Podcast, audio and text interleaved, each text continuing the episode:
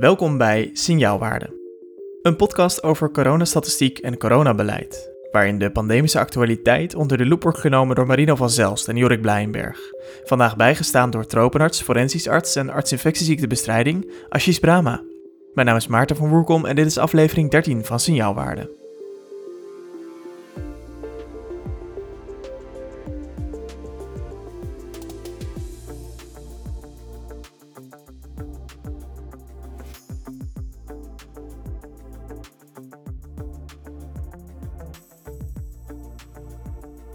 Goedendag en welkom. Het is vandaag 24 mei 2021 en dat is dag 453 van de coronapandemie in Nederland. Ja, en dat is ook eigenlijk de tijd dat we hoopten dat het al zomer was. En als ik nu naar buiten kijk, dan eh, regent het weer en eh, dat doet het eigenlijk al de afgelopen weken. Dus des te meer eh, proberen we over de grenzen te kijken. En um, zijn mensen op zoek naar vakantiebestemmingen. Jorik, Marino, hebben jullie al iets bedacht? Ik heb nog niks in de agenda staan. Uh, maar ja, de ik, ik ben lang geleden, nou lang geleden, uh, voor de crisis ben ik naar, uh, naar Egypte gegaan om daar te duiken. En eigenlijk wil ik ook wel daarna terug. Maar dat gaat nog wel even duren, denk ik. Nou, wie weet, Marino? Nee, het ligt allemaal nog niet vast. Maar de vrije weken in augustus zijn wel ingeboekt. Hè, dan zijn we een jaar, ben ik echt bezig als, als de coronadata uh, mens. Dus dan na een jaar updates draaien, wordt het wel een keer tijd uh, dat uh, Edwin of zo, met wie ik het natuurlijk altijd doe, het weer eens een tijdje overneemt. Want ik kan Marino even met vakantie. Best een leuk idee. Nou, misschien kunnen jullie je laten inspireren door de gast van vandaag. Want bij ons aangeschoven is Ashish Brahma. Welkom. Goeiedag. Leuk dat je er bent. Um, jij bent arts infectieziektebestrijding, forensisch arts en tropenarts. En uh, opgeleid in onder meer Amsterdam en Londen. En waarom ik zei, misschien kunnen ze zich laten inspireren, is omdat je hebt gewerkt in onder andere Nederland. Nou ja, hè, dat spreekt voor zich. Het Verenigd Koninkrijk, de Verenigde Staten, India, Nepal, Burundi, Zuid-Soedan, Soedan, Oeganda, Tjaad en Ethiopië. En op dit moment ben je werkzaam bij de GGD Noord- en Oost-Gelderland. Om maar even over een uh, exotische plek op aarde te spreken. Uh, wat brengt je daar? In the place to be. Ik heb kinderen en uh, die moesten naar school toe. En in Oeganda was dat moeilijker te regelen voor hoogwaardige kwaliteit. Dus dan kom je terug om, uh, om met je kinderen een goede kans te krijgen en te creëren. Nou, dat klinkt als een, uh, een, een, logische stap. En um, je werkt dus bij de GGD Noord- en Oost-Gelderland. Um, hoe ziet jouw werkdag eruit?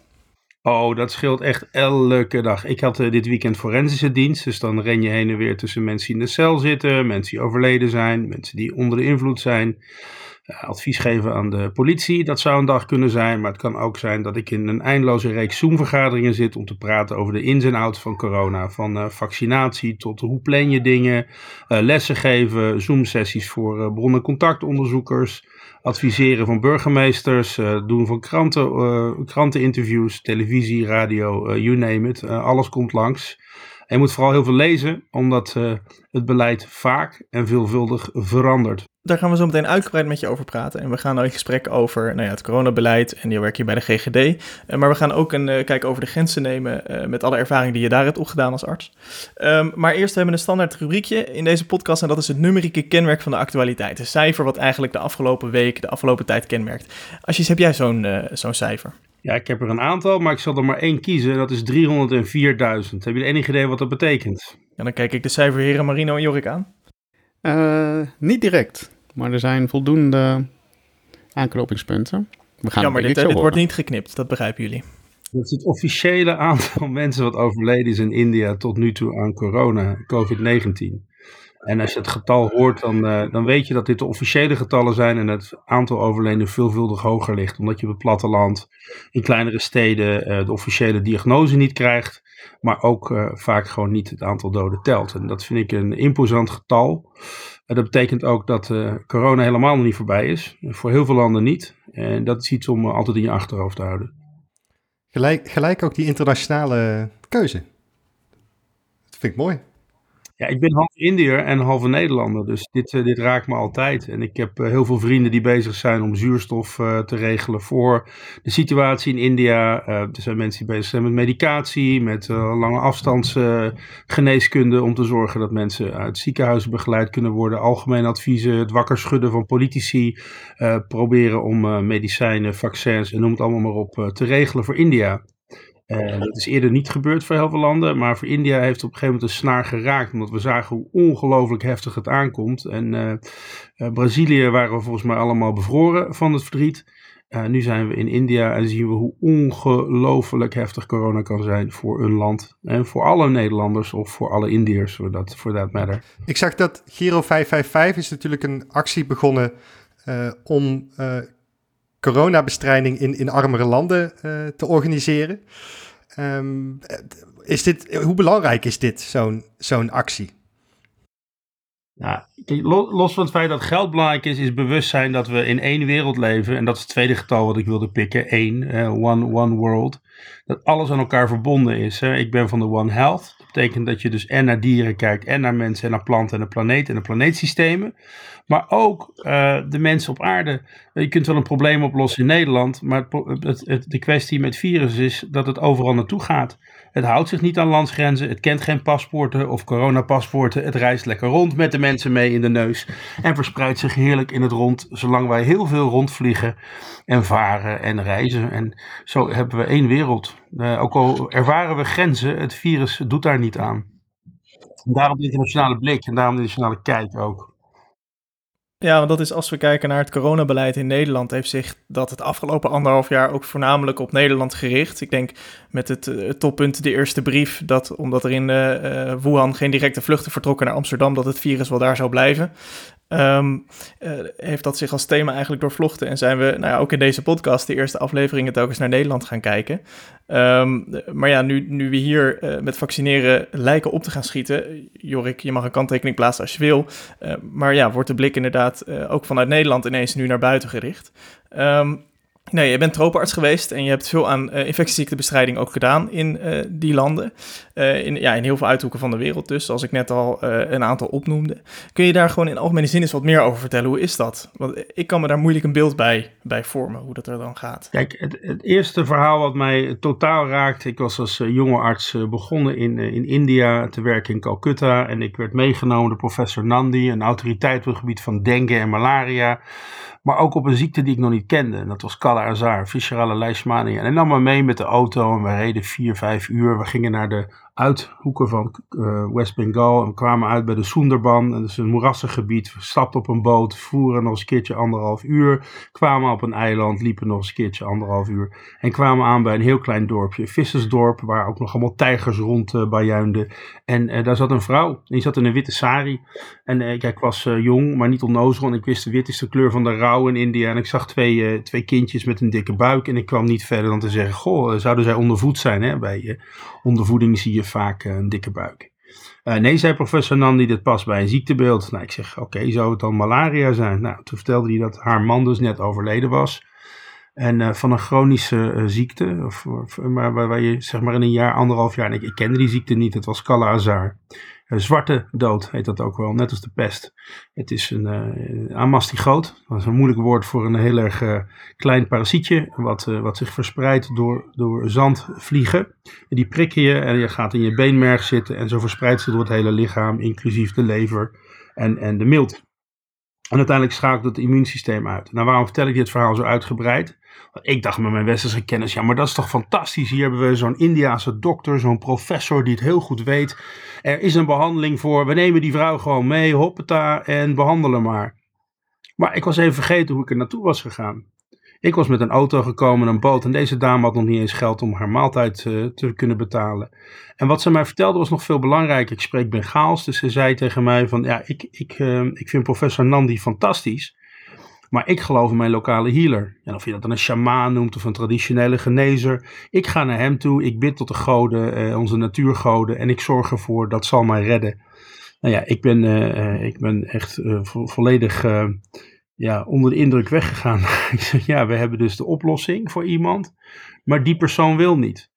En die wil niet omdat ze ergens anders in gelooft. Dus daar begon mijn verhaal. Het verhaal is dat je moet luisteren met je twee oren, dat je je prejudice uh, maar achter de deur meelaat en dat je gewoon eens gaat kijken hoe mensen in elkaar steken. En dan kun je wellicht aansluiten bij wat de werkelijkheid is van mensen die bijvoorbeeld in Sundarban, het moerasgebied waar de mooie Bengaalse tijger woont, uh, rond bij Deze mevrouw is niet meer, haar kinderen ook niet. En er zijn in India elk jaar tienduizenden mensen die overlijden aan Kalazar.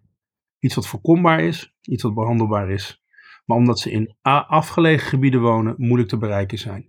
En dat is de eerste les voor mij van vele lessen. Dat vaak gezondheidszorg beschikbaar is, maar op grote afstand blijft. Vanwege het, uh, ja, het verschil tussen de haves en de haves not. Je, je beschrijft eigenlijk, zeg maar, dus, dus er zijn oplossingen. Uh, medische oplossingen voor, voor dit issue. Um, je, je beschrijft ook hè, dat er eigenlijk een verschil is in, in, ja, ik noem het maar even resources, zeg maar. Dus de, de mensen die, de haves en de, en de have-nots. Um, wat, wat zijn nou nog andere dingen, zeg maar. Dus, dus je werkt nu natuurlijk een tijd in, in Nederland ook. Verschillen die je ziet bijvoorbeeld in um, Aziatische landen versus Westerse landen waar je gewerkt hebt. Zoals Verenigde Staten, Verenigd Koninkrijk, uh, Nederland bijvoorbeeld. Nou, die zijn uh, veelvuldig. Het is een cliché om te zeggen: de Aziat bestaat niet, de Indiër bestaat niet, de Nederlander bestaat niet. Al denk ik wel eens van wel, maar dat is een grapje. We zijn allemaal individuen, maar we hebben bepaalde kenmerken. En wat je merkt in India, wat je merkt in bijvoorbeeld boeddhistische landen, dat er toch meer een, een community sense is. Hè? En dat geldt in Afrika ook. Daar heb je de afhankelijkheid van de ander en de wederkerigheid. Dus it takes a village to raise a child. Dat geldt in Afrika en zou in Nederland ook zo moeten gelden. Maar wij zijn geïndividualiseerd. Misschien wel gehyperindividualiseerd. En dat heeft zijn voordelen. Dat mensen gewoon goede kansen maken. Dat we zien dat we hoogopgeleide dames hebben. Ook heren, een paar. En, maar in, in, in Afrika uh, word je ook een beetje teruggehouden door je familie. Hè? Je moet delen, de, share the wealth. Hè? Als jij een succesvolle zakenman bent in, eh, in, eh, in Afrika, dan zul je het moeten delen met je familie. En dat houdt de kans op groei tegen. En je ziet ook dat er echt de best en de brightest ook vertrekken. En met die brain drain, er zijn heel veel dokters uit Nigeria of Oeganda die werken in Engeland of die werken in de Verenigde Staten. Dus je hebt verschil nou, het is heel moeilijk om landen met elkaar te vergelijken. Maar als de insteek is dat het meer gaat om de groep, dan komt dat uh, tot uiting in een betere publieke gezondheidszorg, naar mijn idee. Want dan gaat het om de groep en niet zozeer om het individu. In Nederland is het voordeel als het om het individu gaat, dat uh, je het individu kunt aanspreken. En dat geeft een hele andere benadering hoe mensen zijn. En nogmaals, in Nederland zijn er veel verschillen. Laat staan tussen Nederland en België. Laat staan tussen Nederland, België en India. Laat staan tussen Nederland, België, India en de Verenigde Staten. Dus ik vind dat je heel erg moet kijken naar het persoon in het verband van de cultuur. En het, en, het, en het persoon telt mee, maar ook waar de culturele context en hoe dat in elkaar steekt. En vooral hoe je er zelf in steekt. Maar ergens zullen we toch, um, uh, en, en corrigeer het alsjeblieft als ik, dat, als, ik dat, als ik de verkeerde aanname doe, maar ergens zullen we groepen mensen bij elkaar moeten kunnen brengen om beleid te kunnen maken. Want beleid individueel maken uh, per persoon, dat lijkt me bijna ondoenlijk. Ja, dat klopt. En dan moet je werken vanuit transdisciplinariteit. Hè. De uitbraken die ik heb meegemaakt van bijvoorbeeld ebola in Oeganda, waar ik mocht adviseren voor een groot cementbedrijf. Dus vanuit het bedrijfsleven adviseren. Daar kreeg ik een logisticus aan tafel, een financiële man, een juridische man, iemand die, die transport regelde, maar ook een arts en een verpleegkundige en de directeur van de, van de cementfabriek, Lafarge was het, HIMA allemaal mensen met een verschillende kijk en er werd gekeken naar de specifieke expertise. Je hoeft mij niet een logistiek proces op te laten zetten, maar ik kan wel zeggen X, Y, Z moet gebeuren. Het ging erom of bijvoorbeeld in die setting uh, de vrachtwagenchauffeurs door konden gaan met het uitrijden van de cement. Nou, als je goed na gaat denken, voor ebola moet je een blootstelling hebben. Dat betekent dus als die mannen in het uitbreekgebied, wat vlak bij de grens met Congo was, uh, daar uh, gebruik gingen maken van de lokale vlees. Dat bijvoorbeeld ook nog uh, vlees van apen zou kunnen zijn. Of zich te buiten zouden gaan aan bezoeken van prostituees. Of allerlei andere praktische zaken zouden doen. Of bijvoorbeeld naar begraven zouden gaan en daar het lichaam zouden wassen. Nou, dus heb je wat verschillende niveaus van handelingen. En dan gaat het allemaal om bewustzijn dat ook in zo'n gebied het niet business as usual is, maar je door kunt werken totdat de overheid zegt, dan doen ze dat heel goed in Oeganda, we gaan hier boem, we gaan het gebied afsluiten en je zoekt het maar uit. En wat gebeurde er nou? Hè? Dat, dat bedrijf had het goed voor elkaar, er zijn nul infecties opgetreden eh, bij dat bedrijf zelf, maar toen er een begrafenis kwam, want dat doen ze in Oeganda, begraven, niet uh, verbranden en niet uh, crematie, toen nam een hoogopgeleide familie met notabene priesters en dokters zo'n lichaam mee vanuit het gebied X naar gebied Y. En vervolgens ging iedereen het lichaam wassen.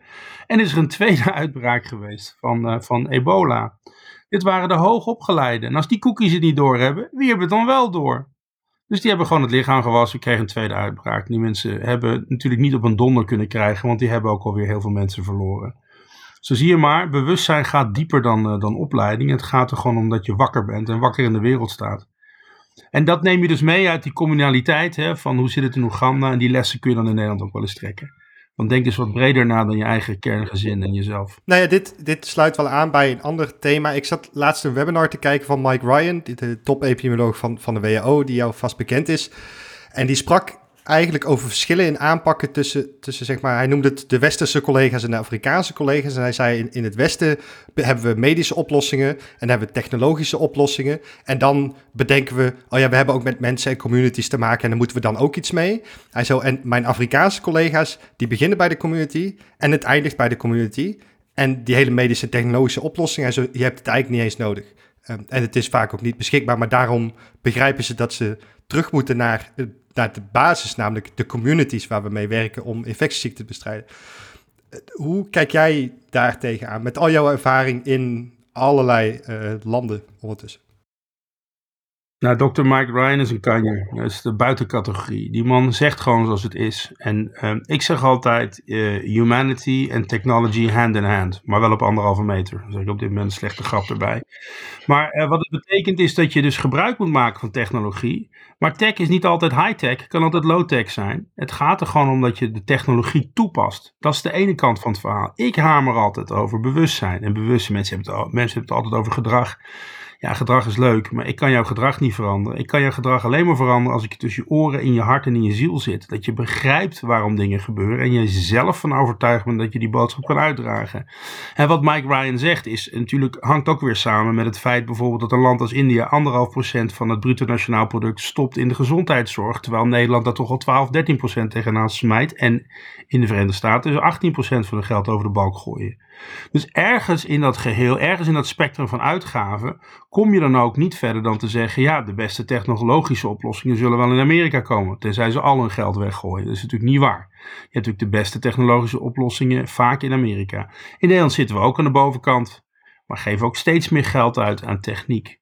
Ik denk, als we meer zouden investeren aan de voorkant, waar we straks vast en zeker ook nog wel gaan praten, dat je het kunt gaan hebben over een ministerie van gezondheid in plaats van een ministerie van ziekte. Want het lijkt er een beetje op of onze benadering is heel veel geld stoppen in de curatie en vergeten dat preventie eh, de, de oplossing ligt. En je kunt syndromen behandelen en symptomen, of je kunt gewoon kijken wat de root cause of all evil is. En dat zeggen ze in de Vedanta of India's filosofie. Dat is een gebrek aan kennis onwetendheid. Zeg maar, bedoel, wij hebben hier best wel die focus natuurlijk op medische en technologische oplossingen in um, Nederland. Ook in de coronabestrijding uh, hebben we dat uh, natuurlijk gezien. We hebben de corona-apps en websites en nou ja, van alles en nog wat. Um, het is hier, dit neem ik even voor mijn rekening, uh, niet zo geweldig gegaan. ligt dat daar ook in? Dat, dat we hier dat stuk misschien niet helemaal goed ondervangen? Het stuk community en bewustzijn? Ja, het, komt, het gaat vanaf het begin. Hè. Wij hebben eigenlijk heel lang de preventieve eh, gezondheidszorg uh, uitgekleed in Nederland. Dat is uit allerlei rapporten gebleken. Dat is helemaal niet politiek uh, wild om dat te zeggen. Het is gewoon een feit dat de GGD'en, de preventieve gezondheidszorg, dat dat jarenlang uitgekleed is in formatie, in training, in kansen, in opportuniteiten.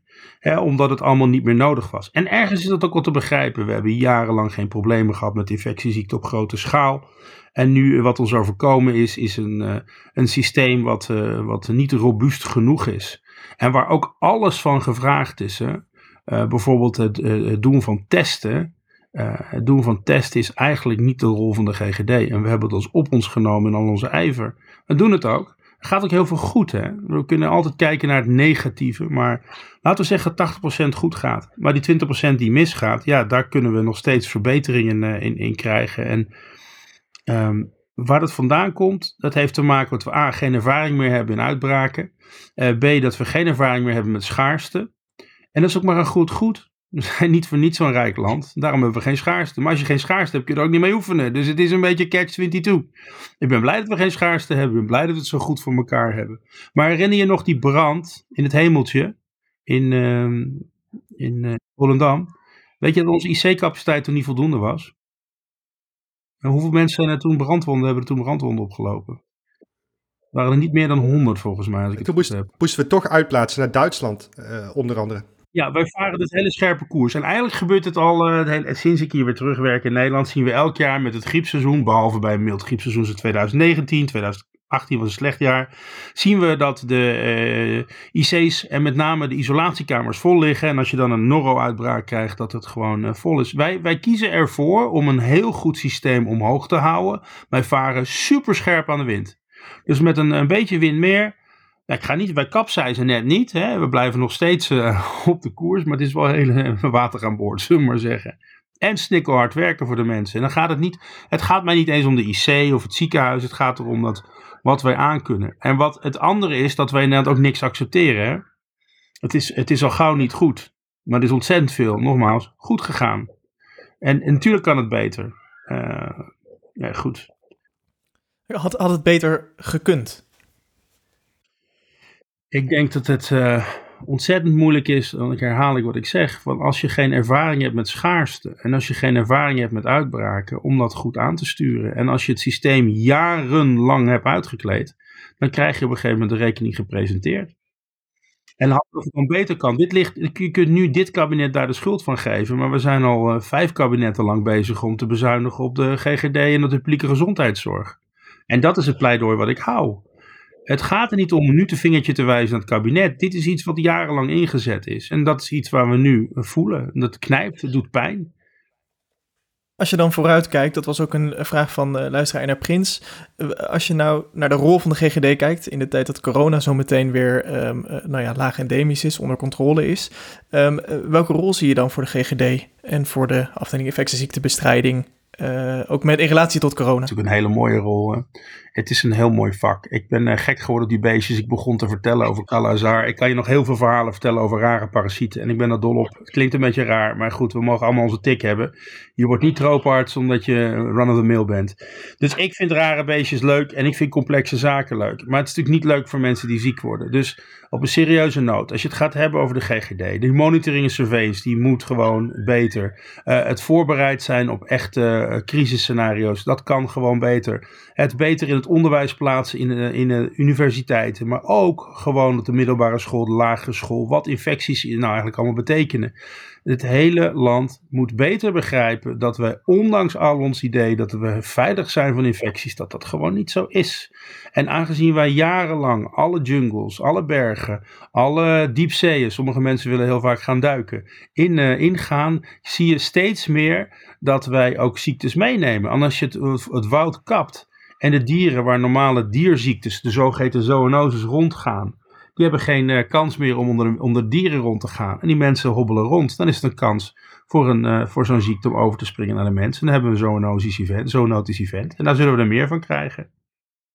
En dat zijn allemaal dingen die, die spelen. Globalisering betekent inderdaad fijn dat je lekker uh, 40 landen hebt bezocht in je leven. Dat betekent ook dat je een risico bent voor de maatschappij, omdat je allerlei ziektes mee kunt nemen.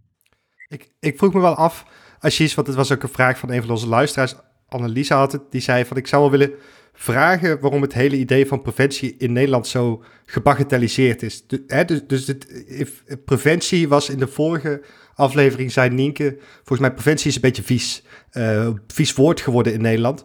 Zijn we gewoon gierig of is, is dit iets anders? Um, waardoor dit eigenlijk, hè, wat je net zei, vijf kabinetten lang is dat toch een beetje afgebroken, zeg maar. Wat is daar de, jouw inschatting van wat daar de oorzaak van is? Kijk, bij uh, een IC of een ziekenhuis zie je direct het resultaat. Gebroken been, hup, gips eromheen, operatie, heupschroef erin, klaar is klaar. Ziet er hartstikke chic uit. En preventie betekent dat je iemand gaat afhouden van het creëren van een ziekte. Bijvoorbeeld rookpreventie, bijvoorbeeld voorkomen van uh, vetzucht, bijvoorbeeld voorkomen van weinig bewegen, bijvoorbeeld mentale uh, stress te voorkomen door ontspanningsprogramma's.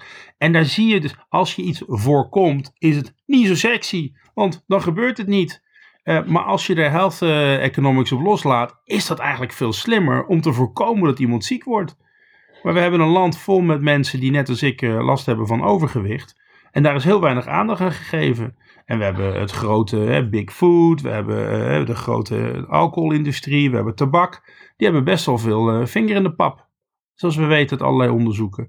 En toch hè, gaan, we, gaan, we, gaan, we, uh, gaan we zorgen dat er geen belasting komt op voedsel, zoals suiker of op zout of op al dat soort dingen, of, of alcohol. Of, dat is er natuurlijk wel. En, en mensen, de bemoeizuchtige overheid.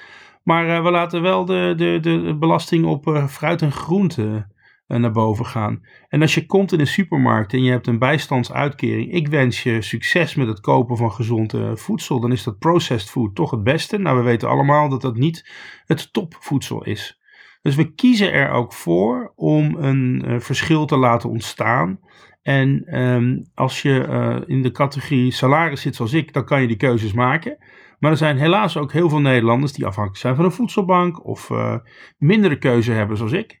En dan kom je snel uit bij matig voedsel, om maar het thema van voedsel bij de hand te nemen. Dat is gewoon niet sexy. En als het niet sexy is, dan scoort het niet en dan is er geen politiek geen aandacht voor. En dus krijg je een voortgaan van het, verlies aan interesse in investeren in preventie. Ik wilde weer even terug naar het onderwerp uh, bewustzijn, waar je het eerder over had. Um, de coronapandemie, uh, om infectie, infectieziekten te bestrijden. Uh, belangrijk component is gedrag. Daarvan zei je, uh, om dat gedrag te beïnvloeden, moeten mensen bewust zijn van, van, van ja, wat de gevaren zijn. Hoe, hoe is uh, het coronavirus in ons bewustzijn geland? En dan bedoel ik eigenlijk niet alleen in Nederland, maar echt gewoon wereldwijd. Zien we, of zie je daar veel verschillen in? Uh, hoe dat bij mensen aan is gekomen? Nou, mag ik een held noemen? Dat is Joycelyn Arden, de, de minister-president van Nieuw-Zeeland. Die gewoon een simpele instructie heeft gegeven. We hebben corona, we gooien de grenzen dicht. Makkelijk als je een eiland bent. Nee, is niet makkelijk. Het is economische interventie die enorm veel geld heeft gekost. Maar uiteindelijk heel veel geld heeft opgeleverd. Want ze waren het eerste land dat corona vrij was. En uh, elke keer als er opvlamde, gooiden ze het land weer dicht. Iedereen hield daar een schriftje bij. Mijn hemel, moeten we in Nederland eens over nadenken? Een schriftje? Nee, dat kan niet hoor. Wij gaan niet aan de schriftjes. Wij gaan een app bouwen, want dat is goed. Oké, trek je conclusie maar. Wie had ook alweer de beste cijfers in de klas? Wie zou er in de time-verkiezing beste, beste, beste persoon van het jaar moeten winnen? Dat is Joycelyn Arden.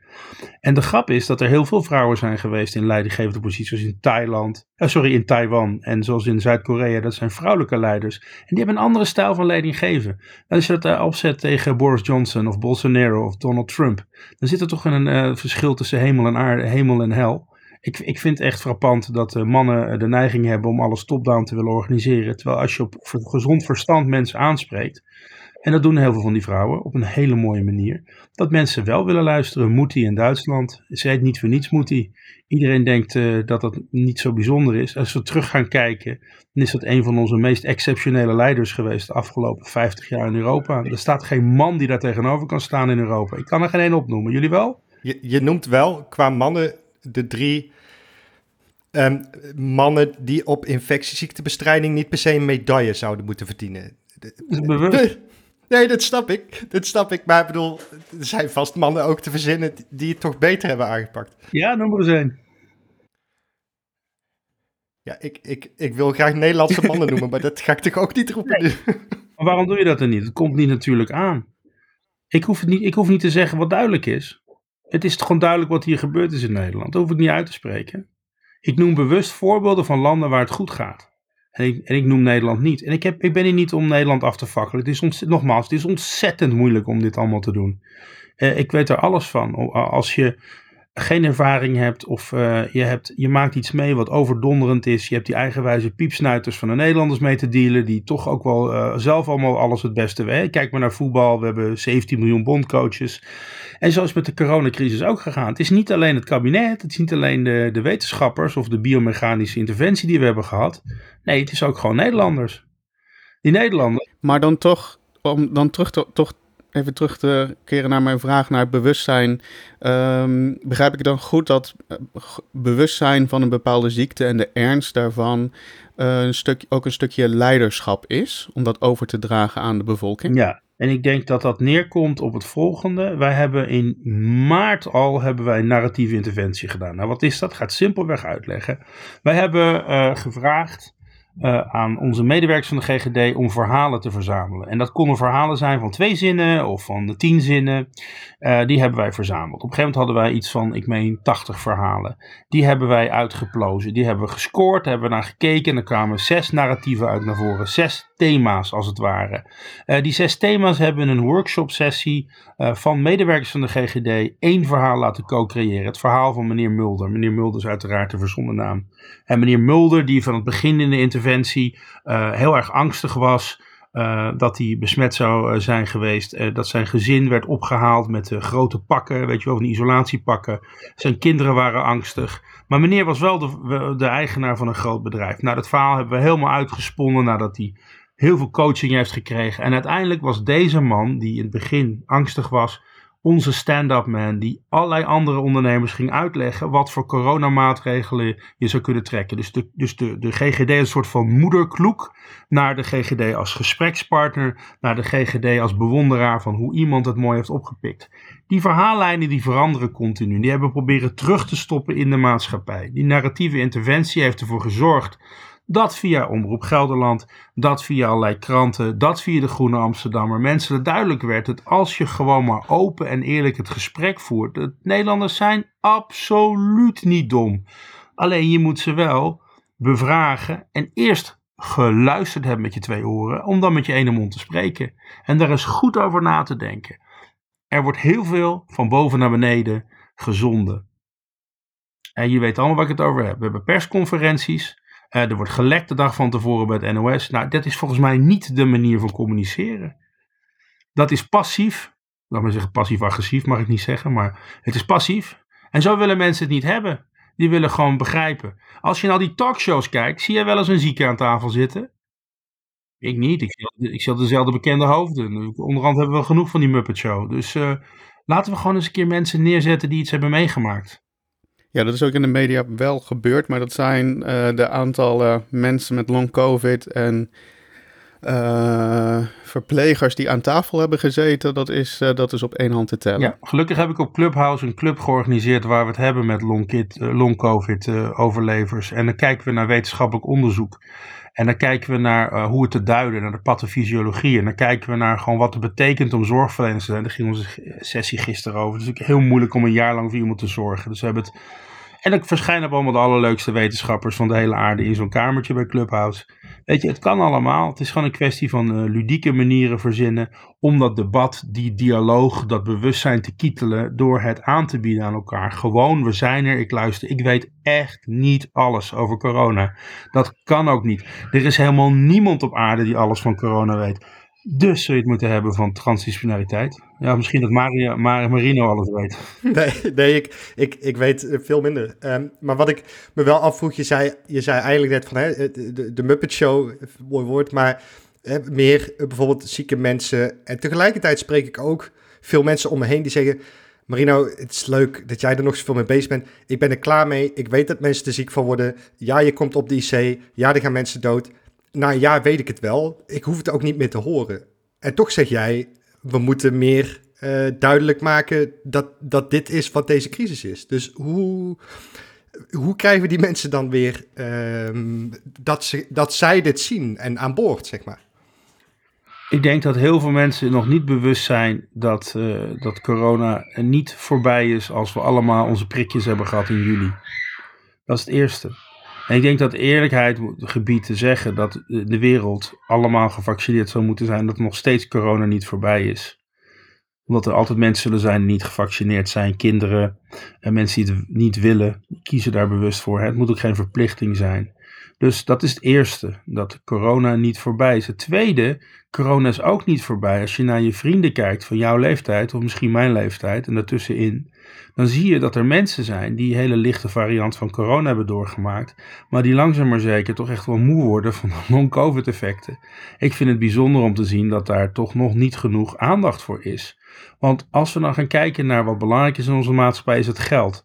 Dat gaat geld kosten. Die mensen moeten verzorgd worden, die moeten langdurig behandeld worden, die kunnen misschien niet optimaal werken, die zitten gewoon misschien wel thuis zonder baan, misschien gaan er bedrijven kapot, noem het maar op. Dus we hebben de COVID, de long-COVID, we hebben de, de, impact. En ik ben benieuwd wat er eigenlijk gebeurd is in dit land. Wat gebeurt er nou eigenlijk met de psychosociale lasten van alle kinderen die thuis hebben moeten zitten? Ik ben geen uh, angsthaas. Ik snap best wel dat. Uh, ik snap best wel dat kinderen flexibel zijn en rebound hebben en resilience. Maar het is nogal wat om tegen een kind te zeggen: je gaat niet naar school. Of tegen onze studenten dat ze nu als bonus één dag per week naar school mogen. Ja, het is. Uh, ik kan me mijn studententijd wel heugen. Dat was wel heel erg anders. En daar staan we ook niet genoeg bij stil, naar mijn idee. Nee, hoe, hoe verwacht je dat de pandemie zich verder zal ontwikkelen? En dan zeg ik bewust pandemie. Dus zowel binnen Nederland als buiten de landsgrenzen. Ik denk dat we op zich in Nederland om bij Nederland te beginnen, die, die vaccinaties wel rond gaan krijgen. Dat het, de druk op de ziekenhuizen uh, uh, hoog gaat blijven. En waarom? We hebben allemaal zorg uitgesteld. Uh, ik heb een soort van paper gepubliceerd op LinkedIn in maart 2020 met Marleen Kraai. En daar staat heel duidelijk in: de eerste golf is corona, de tweede golf is de uitputting van de, zorgmedewerkers, de uitputting van de zorgmedewerkers. En de derde golf is de uitgestelde zorgcontinuïteit. Nou, daar zijn we nu. Ja, dat was niet zo moeilijk om te voorzien. Oké, dus, dus, het probleem, corona houdt niet op bij corona, het houdt ook bij niet-corona. Daar begint het weer opnieuw. Dus die, die zorg die blijft onder druk staan. He, dus er was altijd een tekort aan 80.000 verpleegkundigen en volgens mij is dat alleen maar opgelopen. Als we nou buiten Nederland gaan kijken, dan zul je zien dat er landen zijn zoals Tjaad, waar ik gewoond heb, of uh, Ulaanbaatar, uh, Mongolië, waar natuurlijk die vaccinatieprogramma's wellicht wat minder goed op stoom komen. Als India nu kiest om te doen wat Engeland en de Verenigde Staten hebben gedaan, namelijk vaccins niet meer verspreiden over heel de wereld, hebben we een groot probleem. Want India maakt, ik meen, 80% van de vaccins. Dus wat nou? En wie zegt dan dat we Nederland onze programma's af kunnen draaien als we uit het buitenland alleen vaccins betrekken? Nou, laat staan als je dan in Cameroen woont. Dus we gaan zien dat die vaccinatieprogramma's die voorzien waren voor 2000, pak bij 22 in de wereld, dat die misschien wel uitgesteld wordt in 2023 of 2024. Ik ben uh, van de overtuiging dat mensen die dan wel gevaccineerd zijn, die krijgen een soort van privilege kans. Hè? Daar had ik het gisteren nog met een vriend over. Het grootste congres van radiologen in de wereld is elk jaar in uh, Chicago. Is één jaar niet doorgegaan, gaat volgend jaar wel door. En waarschijnlijk mogen de mensen uit landen die hoge vaccinatiegraad hebben en bewijs van vaccinatie mogen wel komen naar Chicago. Mensen die uit andere landen komen niet. En toen zei die man die daar heel vaak komt, ik wil niet zeggen wie het is, van ja, wat je gaat, wat gaat zien is dat eigenlijk wij vinden dat iemand die uit een rijk land komt, een voorziend land, dat hij wel mag reizen, dat hij dus meer waarde heeft voor het congres dan die persoon die uit Sierra Leone komt. En die ook microbioloog is of radioloog of wat dan ook. Nou, dat is iets om over na te denken. Dus die verschillen worden weer groter en niet kleiner. Ja, gaat het de polarisatie over de wereld vergroten? Afstand tussen, tussen de eerste, tweede, derde wereld, afstand tussen het rijke Westen en de rest van de wereld. En als het goed is, dan uh, overstijgen we dat. Dat is het andere getal wat ik wilde noemen na die 304.000. Dat is één. Dat dit één wereld is. En zolang we dat niet begrijpen, komen we niet verder dan uh, te constateren dat er weer 304.000 mensen dood zijn. Of 1 miljoen of 3 miljoen. Maar kun je me eens meenemen in die, uh, in die vertaalslag dan? Want aan de ene kant, uh, in de verhalen die je net vertelde, noem je dat er heel veel verschillen zijn. Dat we eigenlijk iedereen, uh, dat we goed moeten luisteren naar iedereen over de hele wereld. En dat we iedereen op zijn eigen manier, op die manier moeten aanspreken. En moeten kijken op welke manier we wie kunnen bereiken. En aan de andere kant noem je het getal 1 en zeg je, we moeten de wereld benaderen als één en de wereld zien als één. Um, hoe, kom ik, hoe voeg ik dat samen? Dat is ook ontzettend complex. Dat is een levensdoel. Dat, dat betekent dat je gewoon realiseert dat je een plek hebt in samenhang met andere mensen. En dat het nooit om jou alleen gaat. En dat het altijd niet alleen om jouw familie gaat, maar om jouw extended family. En dat is de wereld. Ja, dat is een beetje een spiritueel standpunt. Uh, verwacht je wel eens misschien niet van een dokter. Maar ik, ik denk echt dat we verder kunnen dan we nu zijn. Uh, als ik zie wat, uh, wat we hier aan rijkdom hebben, dat gun je iedereen. Maar als ik zie wat voor rijkdom sommige mensen hebben in landen waar ik ben geweest, die helemaal niks hebben en die hun laatste geit aan mij opofferden, uh, dan denk ik, ja, wie heeft het eigenlijk goed voor elkaar? Maar is dat, is dat de oplossing dat wij vanuit het Westen, dat de rijke landen gaan kijken hoe we die verbinding kunnen houden? Nee, dat gaat twee kanten op natuurlijk. Het is niet een uh, afhankelijkheidsrelatie die alleen maar komt van het nee. geven. Er is ook een, een keerzijde daaraan. Ja, want dat vond, ik, dat vond ik mooi in het eerste verhaal wat je vertelde over die mevrouw uh, die daar in uh, de, de, de, witte doeken zat um, en ernstig ziek was en zich richtte tot de eigen geneespersoon daar, tot de eigen shamaan of hoe je het wil noemen. Um, moeten wij altijd vanuit onze opvattingen dan die mensen dan de medicijnen en de gezondheidszorg geven die, we, die wij goed achten? Ja, dat is een heel mooie ethische discussie. En uh, daar kan ik niet alleen antwoord op geven. Dus weet je, de persoon die zelf die medicijnen gaat gebruiken, is degene die beslist. Ja, maar het is wel het, is wel het, ethisch dilemma waar jij voor wordt gesteld als jij als dokter daar staat. Dat Met je voeten in de modder. Ik moet wel lachen als ik aan Erik Topol denk. Uh, is een groot denker en vooruitstrevend mens. Die heeft het over de creative destruction of medicine. En zijn tweede boek heet The Patient Will See You Now. Die moet je even laten landen. The Patient Will See You Now. Kijk, we hebben onze gezondheidszorg ingericht omheen de dokter die dus de draaiende speel. Het zou andersom moeten zijn. Nou, hebben we dingen bedacht als shared decision making. Dan hopen we dat we in op een gemeenschappelijk platform gaan staan. En we krijgen nu artificial intelligence die gaat adviseren over wat de optimale personalized medicine keuzes zijn van mensen. Het zijn allemaal hele mooie ontwikkelingen. Maar het blijft erbij dat je als dokter als verpleegkundige je oortjes moet openzetten en je empathie open moet zetten en toch de moeilijke beslissingen moet geven. Adviseren en andere mensen laten beslissen. En als ze het niet kunnen, moet jij beslissen. Dat is het, het fijne aan het vak van arts zijn, kwetsbaar zijn. En, en eh, maatwerk leveren als het kan en als het niet kan. Kijk, ik ben uiteindelijk, dat vragen mensen ook, waarom ben je in godesnaam de publieke gezondheid ingegaan? Dat is helemaal niet sexy. Ik zeg, ja, maar dan doen we wel iets aan de root cause of illness. Dan kijken we naar gezondheid. Ik, ik, uh, ik heb vaak genoeg in dat ziekenhuis gestaan in, uh, in uh, pak een beet, Soudaan. 1500 patiënten. Elke dag gingen er tussen de 5 en 25 mensen dood, omdat ze te laat kwamen. En dan denk je van, hoe komt dit nou? Want het is een behandelbare conditie. Het is uh, eh, 98% behandelbaar, 2% van de mensen overleden de consequenties van de medicijnen. We hadden een hoog sterftegetal. En waarom was dat? Omdat mensen te laat kwamen. Dus heel veel van de gezondheidszorg heeft te maken met distributie van middelen en distributie van gelden en distributie van mogelijkheden.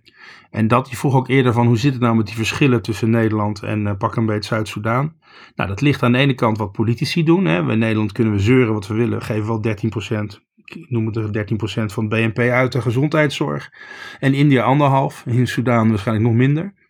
Ja, dat levert natuurlijk gebroken systemen op. In Nederland kun je wel in uh, elke regio binnen 15 kilometer of 20 kilometer in een ziekenhuis zijn. Hè? Uitzonderingen Lelystad of noemen ze een doorstraat uh, ergens daar op Schokland.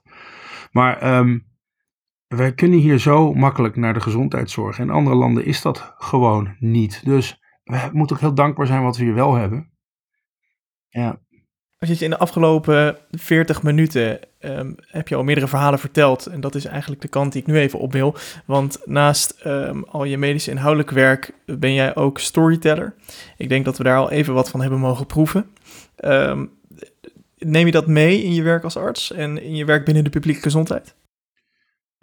als het kan, maak ik het persoonlijk. Ja, ik deel graag wat ik zelf heb meegemaakt met mensen als je jezelf kwetsbaar durft op te stellen als arts, dan zal iedere patiënt zien dat je mens bent. En als je mens bent, hebben we een gelijkwaardig gesprek. En dan kom je ertoe dat het een van de mooiste dingen, dat, dat kan ik uh, adviseren als je arts bent, is dat mensen hun ziel en zaligheid met je delen als je je open opstelt. Dat is, een, dat is een wonder dat dat mag, dat je dat allemaal aan mag horen. En dan kan je iemand in zijn context plaatsen. En de ene verslaafd is de andere niet. En de ene persoon met infectie is de andere niet. En de ene persoon met een is de andere niet. De ene wil behandeling, de andere niet. En wat je moet doen is luisteren. Je moet achterkomen wat het probleem is, de angsten. En als je die weg kunt nemen, dan kan iemand wel behandeld willen worden of niet. Iemand wel preventieve maatregelen nemen of niet. En iemand wel nadenken over zijn familie of niet. Het is jouw verantwoordelijkheid om ermee aan de slag te gaan. En de enige manier dat je dat bereikt, naar mijn idee, in mijn opvatting, is het persoonlijk te maken. En door verhalen te delen over andere mensen die vergelijkbare problemen hebben. En of dat nou is voor een uh, podcast, of dat nou is voor een, uh, voor een radiooptreden of voor een uh, krant, of een één op één gesprek met een patiënt, of een gesprek met honderden leerlingen.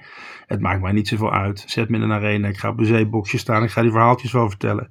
Maar ik vraag ook de wedervraag aan mensen: van wat heb jij meegemaakt? Kun je, met jou, kun je jouw verhaal delen met mij? Dat doe ik overal waar ik de kans krijg. Om te vragen aan mensen: van joh, wat heb jij nou eigenlijk meegemaakt? Daar leer ik weer van. En dan kan ik weer meenemen naar de volgende. En zo wordt een mooie uitwisseling. Kijk, we zijn, we zijn begonnen zonder schriften in het leven. Dat kwam omdat wij verhalen overdroegen aan elkaar rond het kampvuur. ik zou het mooi vinden als we daar naartoe teruggaan. Na, naar kampvuur, verhalen, weg met computers, gewoon een beetje babbelen? Ja, misschien wel. Ook wel ik, ik ben ook wel een uh, data nerd, dus dat is een beetje dubbelop. Ik hou ook al van graph crafting en uh, big data en analyse daarvan en patroon herkennen. Maar het, het, het, belangrijkste patroon is misschien toch wel wat Mike Ryan zegt. Not techno-solutionism, maar uh, technology and humanity hand in hand. En dan begint het volgens mij bij die humaniteit. En de humaniteit is de oortjes. Wat ik, wat ik me afvroeg was, hey, je bent uh, door, door het luisteren, zeg je eigenlijk. Dus voor jou is storytelling is ook luisteren. Ik vind dit een hele grappige, bijna paradoxaal, zeg maar. Dus dat, dat je hobby en, en favoriete bezigheid verhalen vertellen, maar dat doe je door te luisteren. Dat is wat ik je eigenlijk net hoor zeggen. En ik vroeg me ook af, en we hebben in Nederland natuurlijk allerlei verschillende mensen. We hebben 17 miljoen verschillende mensen. Wel met sommige groepen mensen met gedeelde karakteristieken of manieren om door deze samenleving te bewegen. En merk je nou je werk als, als infectieziektebestrijder uh, of arts in het algemeen, dat, dat je richting uh, bepaalde groepen mensen zegt van nou, dat pak ik anders aan. Dus ik vertel andere verhalen of ik luister op een andere manier. Uh, en hoe zie je dat bij corona terug? Ja, dus gaat altijd de mythe de ronde dat die Bijbelbelt is tegen vaccineren. En dan heb je een gesprek met een niet nader te benoemen burgemeester, die van niet nader genoemde denominatie is, maar nogal streng in de leer, zullen we maar zeggen. En dan blijkt dat je meer overeenkomsten hebt met die meneer dan jezelf misschien wilt. Want die persoon is zelf ook gevaccineerd. En die heeft ook die overweging gemaakt, die heel duidelijk als van mening is dat God dingen op je pad gooit, maar als voorbeeld toch ervoor kiest om te vaccineren. En het beeld wat bestaat in de Randstad is dat al die Bijbelbelt mensen niet vaccineren. Nou, volgens mij zijn er meer wuppies in de Randstad die niet vaccineren dan in de Bijbelbelt onderhand. Dus dat hoogopgeleide volk, en ik hou niet van labelen in de zin van het zijn freeriders. Nee, mensen maken bewuste keuze om niet te vaccineren. En we hebben de vrijheid van vaccineren in Nederland. Maar begrijp wel dat de context van iemand die een academische studie achter de rug heeft uh, en daarop zich baseert op wetenschap, dat het een moeilijker dialoog is wellicht dan met iemand die van geloofsovertuiging komt. Eigenlijk is dat dialoog met iemand die uit geloofsovertuiging komt heel makkelijk. Ik respecteer je geloof. Dat betekent dat wij een uh, uitwisseling van korte uitwisseling hebben van gedachten en houd het op. Want uh, je gelooft waarin je gelooft, daar ga ik niet aan komen. En antroposofen hebben ook weer een andere benadering. En zijn mensen die zeggen dat het virus een bepaalde uh, monitor in je, in je bloed pompt. Ja, daar heb ik moeite mee om daar een discussie mee te treden. Ik ga met iedereen in gesprek die twijfelt. En soms zeg ik ook gewoon, ik heb andere prioriteiten. Maar je gaat met iedereen in gesprek die twijfelt. Um, dit zijn gesprekken die leven. Uh, veel mensen ervaren dit in hun eigen omgeving. Dat zagen we ook in de vragen van luisteraars die binnenkwamen. Die ervaren dat er spanningen ontstaan tussen mensen die er eerst helemaal niet waren. Um, mensen die ineens opvattingen blijken te hebben die heel anders zijn ja, ten aanzien van vaccineren, ten aanzien van virusbestrijding. Of uh, hoe het nu eigenlijk die, die pandemie uh, een hoofd geboden wordt de afgelopen jaar. Je noemde eerder, je moet luisteren, je moet met respect met elkaar omgaan. Ik denk dat dat voorop staat. Je moet je oren gebruiken. Zijn er meer tools, zijn er meer dingen die jij vanuit je ervaring als arts infectieziektebestrijding en als storyteller um, hebt, hoe je zo'n dialoog aangaat? Ik moet denken aan een verhaal wat ik kende van, uh, van Nigeria, waar ik zelf niet eens gewerkt heb. Maar dat was een, uh, een gebruik in een bepaald dorp dat uh, iedereen de belevenissen van de dag tijdens een Lassa-koortsuitbraak deelde. Nou ja, het was trouwens geen Lassa, het was Noma. Het is een uh, ziekte waarbij je, uh, je, je bijvoorbeeld onderdelen van je wang gaat verliezen door infecties. En uh, die verhalen werden gedeeld onderling. En de grap was dat na het einde van het verhalen vertellen er een meisje van 12 op stond. En die vatte al die verzamelen, die, die, die, die draden van verhalen, die woof ze in elkaar, maakte er een tapijt van mooiigheid van, waarin iedereen zich kon vinden. Het is een talent om verhalen te vertellen. Het is niet te grijpen altijd. Het is iets wat je door heel veel oefenen eh, kunt uh, uitoefenen. En vooral veel te doen. Maar het verhaal blijft heel simpel. Ik kan van allerlei dingen bedenken. Ik moet heel goed luisteren en kijken en ruiken en zien. En proberen mijn voordelen uit te schakelen. Vandaag ook mensen Muppet genoemd. Dat was niet zo slim. Wellicht niet moeten doen. Maar ook maar mens ik ben nog wel benieuwd, want het gaat om communities. En we zien die natuurlijk ook nu wel online uh, verschijnen, zoals Facebookgroepen uh, als voorbeeld. Uh, is dat ook iets wat je in de gaten houdt? Hoe mensen daar bij elkaar komen en daar bijvoorbeeld over vaccinatie praten? Oh, dat wordt zeker in de gaten gehouden door, door het RIVM, maar ook door de GGD. En kijk, als je bij de GGD werkt, dan, uh, dan, dan vertegenwoordig je het beleid van de overheid. En uh, over het algemeen staan we er ook echt wel achter. Dus in het algemeen, bijna altijd, om niet te zeggen altijd. Het is ook wel moeilijk uit te leggen. En dan krijg ik wel eens bakken commentaar en kritiek over je. En ik weet elke keer dat ik in de krant verschijn, dat er daarna weer hele grote staats hebben. Dan komt hij weer met zijn geneuzel. Ik denk, ja, maar dat recht heb je. Je hebt het recht om het te beschimpen, te beledigen. Dat, wie ben ik? Hè? Ik weet, weet ik, weet ik alles? Nee, geen zins. Uh, er is een verschil tussen nogmaals iemand die twijfelt. Uh, ik zeg, er zijn 3%, 3% van de mensen vast overtuigd van hun werkelijkheid. En die kunnen niet mee in dialoog treden. Daar ga ik ook geen, echt geen tijd meer aan besteden. Maar als je twijfelt, ja, dan heb je best uh, kans om nog in dialoog te treden. En van die 10% mensen willen best nog wel een deel van de mensen alsnog gaan vaccineren als je het over vaccineren hebt. Maar sommige mensen gaan het gewoon niet doen. Ja, en nogmaals, maak het persoonlijk, maar maak het ook, vergeet de humor niet. En polarisatie is niemand ooit verder gekomen, behalve de, nee, helemaal niemand. Ik weet niet wat er zo goed is aan polarisatie. Hoe verwacht je dat dit in um, de ontwikkelingslanden, waar jij misschien zelf bent geweest, zal gaan verlopen, die vaccinatiecampagnes? Nou, het begint ermee dat je geld moet neerleggen om het te doen. Dus als lang landen dat niet doen, dan gaat het niet lukken. Het tweede is dat die vaccinaties uh, beschikbaar moeten worden gesteld in het COVAX-initiatief. Ja, zolang die niet opgevuld worden, omdat India, maar vooropgesteld Verenigde Staten, Verenigd Koninkrijk alle vaccins voor zichzelf houden. En voor drie keer de populatie. Dus ja, dat is gewoon niet zo aardig. Hè? Dat is geïnvesteerd uh, door allerlei Europese fondsen. Nou, ja, kunnen we gaan moeilijk over gaan doen, maar dat is wel het feit. En je krijgt dan een kettingreactie van landen die aan zichzelf gaan denken. Uh, gelukkig zegt uh, China, we gaan onze landen helpen, maar niet elk land in de wereld. In Rusland proberen ze een Sputnik de wereld rond te zenden.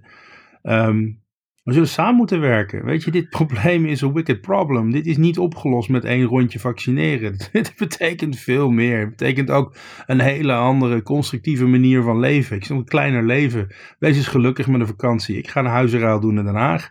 En daarna ga ik eh, misschien nog mazzel heb in een of andere sleephut zitten in, uh, in, in Limburg. Omdat het gezellig is, omdat kinderen dat leuk vinden. Ik ga, ik ga niet naar het buitenland toe. Ja, dan kom, kom je ook inderdaad weer gelijk terug op de beginvraag die Maarten ons natuurlijk stelde: van waar ga je heen? Um, dat was ook een van de opvallende dingen die we natuurlijk zagen in de persconferentie. Dat het natuurlijk ging over vakantie en dat we naar het buitenland moeten. Uh, of dat er wordt aangenomen dat we massaal naar het buitenland moeten en, en gaan. Terwijl we natuurlijk bij de tweede golf, die wordt wel verondersteld door het RIVM, dat die eigenlijk is veroorzaakt doordat iedereen naar het buitenland ging en vrolijk dat virus meenam. Dus dan is natuurlijk gelijk de vraag van wil je dat wel of niet? En waarom wordt er zo van uitgegaan dat we om plezier te hebben uh, op vakantie echt naar het buitenland moeten en dat niet bijvoorbeeld in Nederland kunnen doen? Nou, als ik hier nu ga zeggen dat ik het verstandig vind om in Nederland te blijven, dan krijg ik direct honderden reacties over me heen. Maar ik vind het verstandig om in Nederland te blijven. reacties over mij. Ja, het is toch niet logisch? Jongens, doe nog eens normaal. Hoezo naar allerlei landen? Nee, ik heb mezelf daar heel erg over verbaasd. En misschien moet ik die context erbij zetten. Omdat het ging over vakantie tijdens een pandemie. Ja. En dat, ja, dat, ik snap niet zo goed hoe een regering communiceert van... oké, we gaan proberen het mogelijk te maken om weer naar het buitenland te gaan tijdens een pandemie die zeker nog niet voorbij is. Nou ja, dat is toch uh, uh, klaarblijkelijk wil het electoraat dat horen. Ik kan me niet anders voorstellen dan dat het zo is. Weet je, politiek bedrijven zo concessies doen, uh, ook gewoon de, de, de, de massa volgen. Ik had gezegd, van jongens, we gaan alles inzetten om die scholen zo snel mogelijk open te krijgen op een veilige manier. Hou nou op met het gejenk over terrassen en allerlei andere ik hou, gooi die musea open, uh, gooi de restaurants open. Daar komen geen besmettingen voor het afgelopen jaar. Dus de, doorlooplocatie uh, Rijksmuseum heeft volgens mij nul infecties opgeleverd. Ja, misschien bij de mensen die er werken, excuseer. Zullen er vast zijn geweest. Maar minder dan in een andere setting. Maar we hebben zo verabsoluteerd. We hebben gezegd: dit kan niet, dit kan niet, dit kan niet. De winkelstraat moet dicht. Dat snap ik wel, want mensen zitten dan gewoon hutje-klutje bovenop elkaar. Maar die vakantie, hè? Ja, die vakantie, dat is heel belangrijk. Ik snap heel goed dat mensen eruit willen. Maar het is voor mij niet uit te leggen. Ik kan het niet uitleggen. Ik leg het ook niet uit. Als mensen naar mij toe komen, waar ga je naartoe op vakantie? Zeg ik, ik ruil een woning in Den Haag met mijn woning in Apeldoorn. En zo is het. Als ik daarna nog een weekje vrij heb en mazzel heb, dan ga ik nog een weekendje naar, of een weekje naar eh, Limburg toe. En that's it, want de eilanden zitten vol met Nederlanders. Nou, daar wil ik ook graag naartoe. Ik kon alleen nog niet vrijnemen. Dus, het is wat het is. Als mensen naar Spanje willen, dan moeten ze het vooral doen. Ik ga er niet over in discussie. Van de overheid mag het, dus dan is het goed. Uh, ik, ik snap jouw pleidooi. Ik ben ook, ik ben het ook wel, wel mee eens. En um, een ander pleidooi waar je het uh, vaak over hebt, is het pleidooi, ik quote even, van nazorg naar voorzorg, van ziek naar gezond, over positieve gezondheid, gezond verstand en gezond leven. En we hebben natuurlijk al best wel wat gesproken over voorzorg, over ziek en gezond.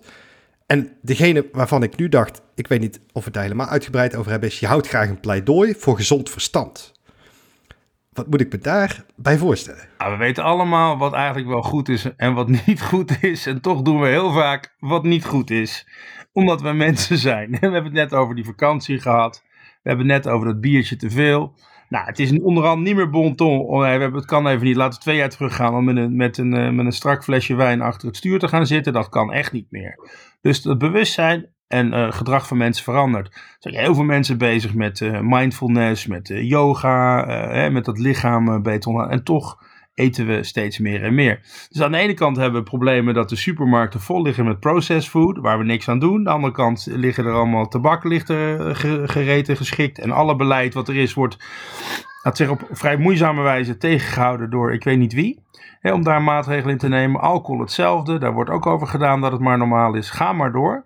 Dus er liggen voor de hand liggende oplossingen. Maar gezond verstand zou zeggen dat ze voor de hand liggen. Maar ze liggen niet voor de hand. Dan is er dus een ander belang. Daar moet het over nadenken. Daar moet het dan eens over nadenken. Hoe kan het nou toch dat de gezonde verstandzaken uh, niet het gezonde verstand lijken. Maar dat er dus uh, ja, interesse in is om het niet te verbeteren. Ik, ben geen, ik ga hier niet met mijn vingertje zitten zeggen: je mag niet drinken, je mag niet roken, je mag geen drugs gebruiken. Daar ben ik niet van. Ik ben er wel van om te zeggen tegen mensen: realiseer je wat de consequenties daarvan zijn. That's it. Nee, begrijpelijk. En toch tegelijkertijd, mijn vader, een, een, soort normale Hollander, ondernemer, weet je wel, gewoon een normale mens, die zegt altijd: Marino, je moet gewoon je gezond, verstand, je gezond boerenverstand gebruiken. Want ik ben een Brabander. dus dan krijg je gelijk dat boeren erbij. Dus de gemiddelde Nederlander is er vast van overtuigd dat hij gezonde boerenverstand gebruikt. En toch wil jij een pleidooi houden voor gezond verstand. Dus er gaat hier iets verkeerd. Nee hoor, ik ben ook Brabander, dus ik mag mijn gezonde boerenverstand ook gebruiken. Mijn moeder is geboren in Tilburg. Ik heb ook recht op de koffietafel.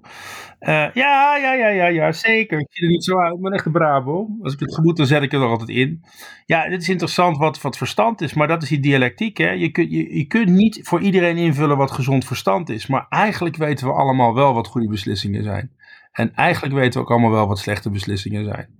Het is een kwestie van aanvaarden dat sommige dingen gewoon niet goed zijn. En als papa wil zeggen uh, dat het goed verstand is, uh, dan, uh, dan moet hij dat vinden.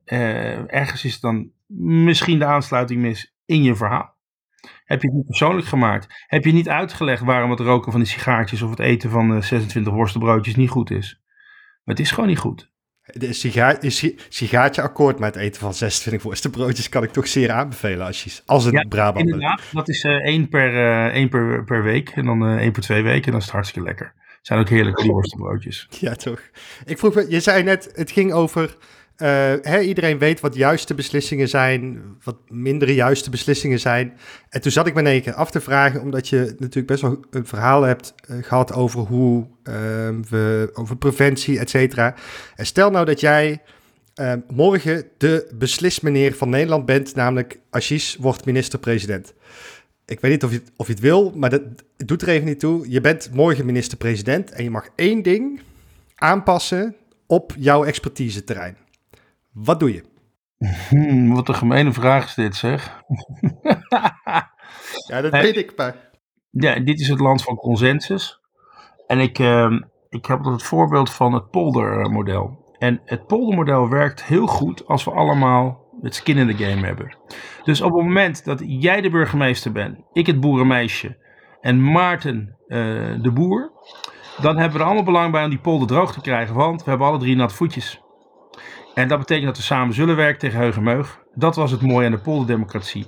Het lijkt er nu op alsof we nog wel het overleg hebben, maar zonder een skin in the game. Dus we blijven maar praten, geen beslissing. Ik zou zeggen, we schaffen al die polderoverleg af. Uh, en we gaan op een andere manier samenwerken. Via deep democracy of, of via inspraak van burgers. Ik mocht er maar één noemen. Maar gewoon dat we, we goed nadenken over niet nadenken over wat er de komende. Laat ik dan dit als enige punt nemen. Laten we niet nadenken wat er de komende vier jaar gebeurt. Maar laten we nou eens na gaan denken wat er wellicht over de komende twintig jaar gebeurt. Dus laten we eens in de diepte investeren en niet alleen in de oppervlakte. Dat zou mijn wens zijn. Dus dat betekent een hele diepe verandering. Kijk verder dan die vier jaar van je regeerakkoord. Dat zou ik als minister-president willen. En ik mag niet meer zeggen, ik mag maar één ding zeggen. Staat genoteerd. Als je, je bent storyteller en je hebt um, nou, mooi geïllustreerd kunnen vertellen jouw kijk over uh, het afgelopen anderhalf jaar coronapandemie en deze over de landsgrenzen. Um, als er nog één verhaal is of één take-home message die je voor de luisteraars hebt, wat zou dat zijn? Dat uh, wij allemaal een grote bijdrage kunnen leveren, leveren aan deze wereld mooier te maken. En dat begint ermee met wat in de Bijbel staat: doe niet op aan een ander wat je jezelf niet aan wil doen. Dus dat we wat liever voor elkaar zijn. Het is een heel simpele boodschap. Hè? Ik ben ook niet altijd de allerliefste, geloof me. Maar het is wel een feit dat uh, in deze moeilijke tijden, waarin mensen uh, moeite hebben om naar school te gaan, waarin mensen uh, failliet gaan, waarin toch ook gewoon beperkingen zijn dat je opa en oma mag bezoeken. Laten we gewoon eens wat geduld hebben en wat lief zijn voor elkaar. Beetje sukkelig misschien, maar soms is sukkelig wel goed. Dat lijkt mij een eh, mooie oproep om deze aflevering van Signaalwaarde mee af te sluiten. Ontzettend bedankt voor je deelname. Dit was Signaalwaarde en dat is een podcastproductie van Maarten van Woerkom naar idee van en mede ontwikkeld door Marino van Zelst en Jorik Pleinberg. Je kunt Signaalwaarde volgen in je favoriete podcast-apps zoals Spotify, Google Podcast of Apple Podcast. En bij die laatste zouden we dan willen vragen om een review achter te laten, want dat helpt dan anderen weer om deze podcast te ontdekken. We willen onze grote dank uitspreken voor de luisteraars die Signaalwaarde financieel hebben gesteund. Met jullie bijdrage houden we de podcast online en zorgen we voor een nog beter eindresultaat. Financieel bijdragen aan Signaalwaarde kan door vriend van de show te worden. Ga je voor naar vriendvandeshow.nl slash signaalwaarde en meld je daar aan.